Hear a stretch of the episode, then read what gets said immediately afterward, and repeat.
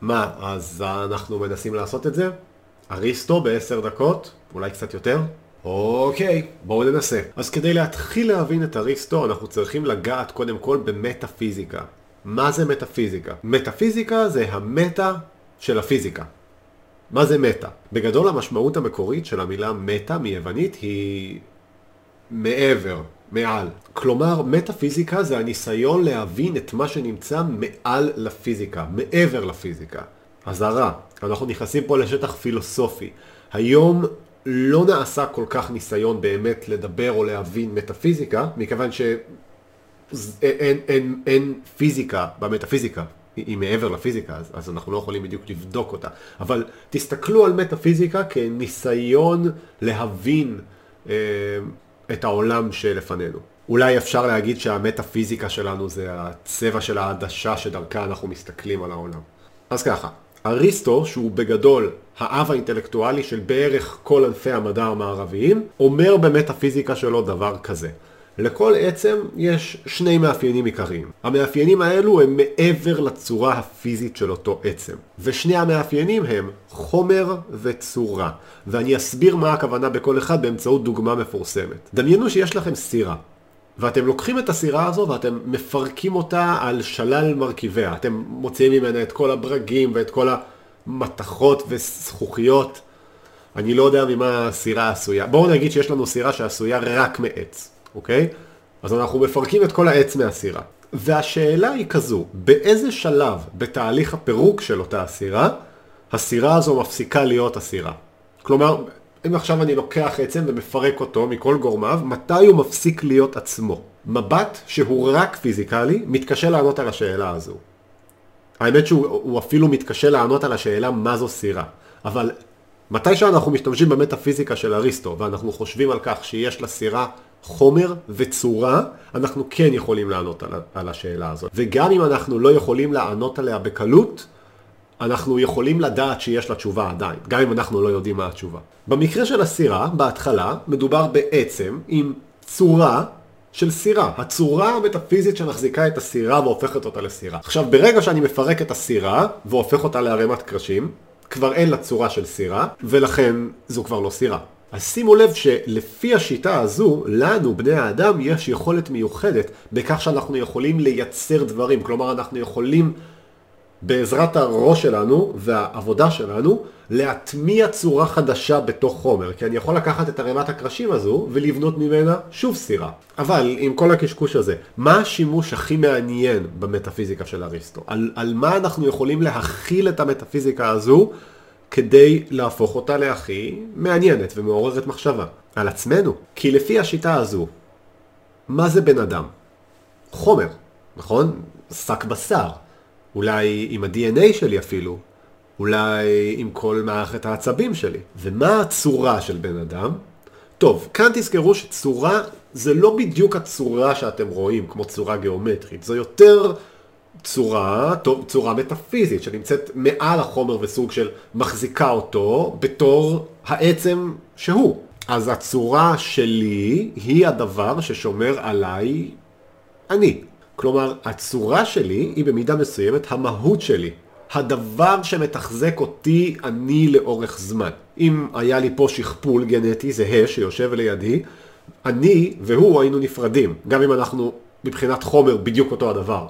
כי אני זה אני, בצורתי המטאפיזית, והוא זה הוא. שימו לב שפה מבחינת אריסטו, החומר והצורה קשורים מהותית אחד לשני. כלומר, הצ- הצורה לא יכולה לקפוץ לכל מיני מקומות בלי החומר. זה, זה לא שצורה מחפשת חומר להתלבש עליו. הצורה והחומר הם פשוט, אה, במובן מסוים, שני מימדים שונים של עצמים. אגב, המילה ביוונית שבה אריסטו משתמש כדי לתאר את הצורה האנושית, במובן מסוים, היא פסיכה. מוכר לכם? פסיכה, מפסיכולוגיה, נכון? הלוגיה של הפסיכה. או אולי בעצם הוא משתמש במילה אנימה. וואו, איזה יופי, אז כבר סיימנו לקשור בין המטאפיזיקה של אריסטו לבין הנפש האנושית של אריסטו. וזה לקח רק, אה, אני לא יודע כמה זמן זה הולך לצאת בעריכה, כי אני רק יושב פה ומגמגם למצלמה, אבל, אבל יש לי תחושה שזה היה מהיר. לי זה הרגיש מהיר. אז בואו רגע נדבר על האתיקה של אריסטו. כי האתיקה של אריסטו זה אולי הכתב, אחד הכתבים לפחות, שהכי מזוהים איתו. אז האתיקה היא למעשה, לפי אריסטו, חקר הטוב. כלומר, הבנה של מה זה טוב ואיך עושים טוב. איך עושים שמשהו יהיה טוב. שזה נשמע די פרקטי. אבל קודם כל צריך לשאול את השאלה. הנדרשת. בשביל לחקור את הטוב אנחנו צריכים לשאול מה זה טוב. ולשמחתי הרבה, אריסטו עונה על השאלה מה זה טוב בפסקה הראשונה של הספר שלו, האתיקה הניקומחית. זה לא בדיוק היה הספר שלו, אבל נגיד, אוקיי? זה ספר של אריסטו. אני הולך להקריא לכם את זה באנגלית, ואז לתרגם את זה לעברית. כלומר, אני הולך להקריא תרגום, ואז לתרגם את התרגום. Every art and any inquiry, and similarly every action and pursuit, is thought to aim at some good. And for this reason, the good has rightly been declared to be that at which all things aim. או בעברית, כל יצירה וכל מחשבה, וגם כל פעולה או מטרה, נעשית כדי לכוון לטוב כלשהו. מסיבה זו, נכריז על כך שהטוב הוא הדבר אליו הכל שואף. פשוט, קל, מדויק. מה זה טוב? טוב זה הדבר שהכל שואף אליו. אז עכשיו אפשר לדבר על אתיקה כי הגדרנו מה זה טוב. הגדרה די טובה לדעתי. בואו נתחיל מדוגמאות פשוטות. מה עושה שולחן לטוב? אולי הוא צריך להיות יציב, אולי הוא צריך להיות uh, יפה אסתטית אם אני משתמש בו כדי uh, לארח אורחים. אולי הוא צריך להתאים בדיוק למקום בבית שאני רוצה שבו הוא יישב, או אולי בכלל אני רוצה שהוא יהיה בחוץ. במילים אחרות, לכל שולחן יש מטרה, ואם השולחן הזה ממלא את המטרה שלו בצורה טובה, הוא שולחן טוב. אותו דבר אפשר לחשוב על סכין. מה עושה סכין לטובה? תלוי. סכין למריחה, יש לה מאפיינים מסוימים שעושים אותה לסכין טובה. סכין לחיתוך סטייקים, יש מאפיינים אחרים שעושים אותה לסכין טובה. ואם אתם אנשים שמייצרים שולחנות, או אנשים שמייצרים סכינים, השאיפה שלכם, כדי להיות בעלי מקצוע טובים, היא לייצר סכינים טובות, ושולחנות טובים. ואם אתם צורכים את המוצרים האלו, כמובן שתעדיפו לצרוך מוצר טוב. אבל מה אם אני רוצה לשאול מה עושה בן אדם לטוב? אז לפי אריסטו התשובה לזה היא ארטה. מה זה ארטה? זו מילה ביוונית למעלה טובה או למצוינות. לפי אריסטו לכל אחד מאיתנו יש מאפיינים, והארטה הוא לדעת להשתמש במאפיינים הנכונים, בזמן הנכון, במקום הנכון, במינון הנכון ולמשך הזמן הנכון. למשל, דמיינו שיש מעין ציר. מצד אחד יש לי פזיזות ומצד שני יש לי פחדנות. אני צריך, בשביל להיות אמיץ, להיות איפשהו על המקום הנכון, על הציר הזה, כתלות בסיטואציה שבה אני נמצא. אגב, האדם הטוב יודע לעשות גם דברים שנתפסים כשליליים בזמן הנכון ובמקום הנכון. למשל, קחו משהו כמו כעס, רגש שלילי כביכול, נכון? אבל יש באמת בעולם מקומות שבהם נכון להיות כועס. בזמן הנכון, למשך הזמן הנכון, על האנשים הנכונים ובעוצמה הנכונה. אדם נעלה גם משתמש בלוגוס שלו. מה זה לוגוס? שאלה טובה.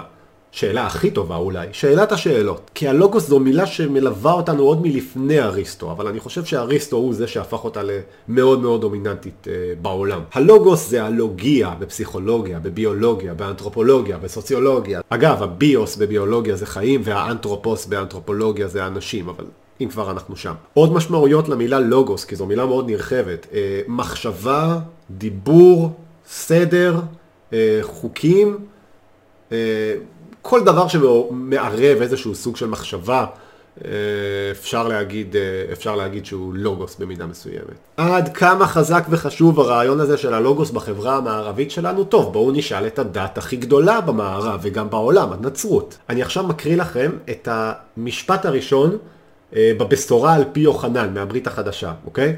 בראשית היה הדבר, והדבר היה עם האלוהים, ואלוהים היה הדבר. אוקיי, מה זה אומר?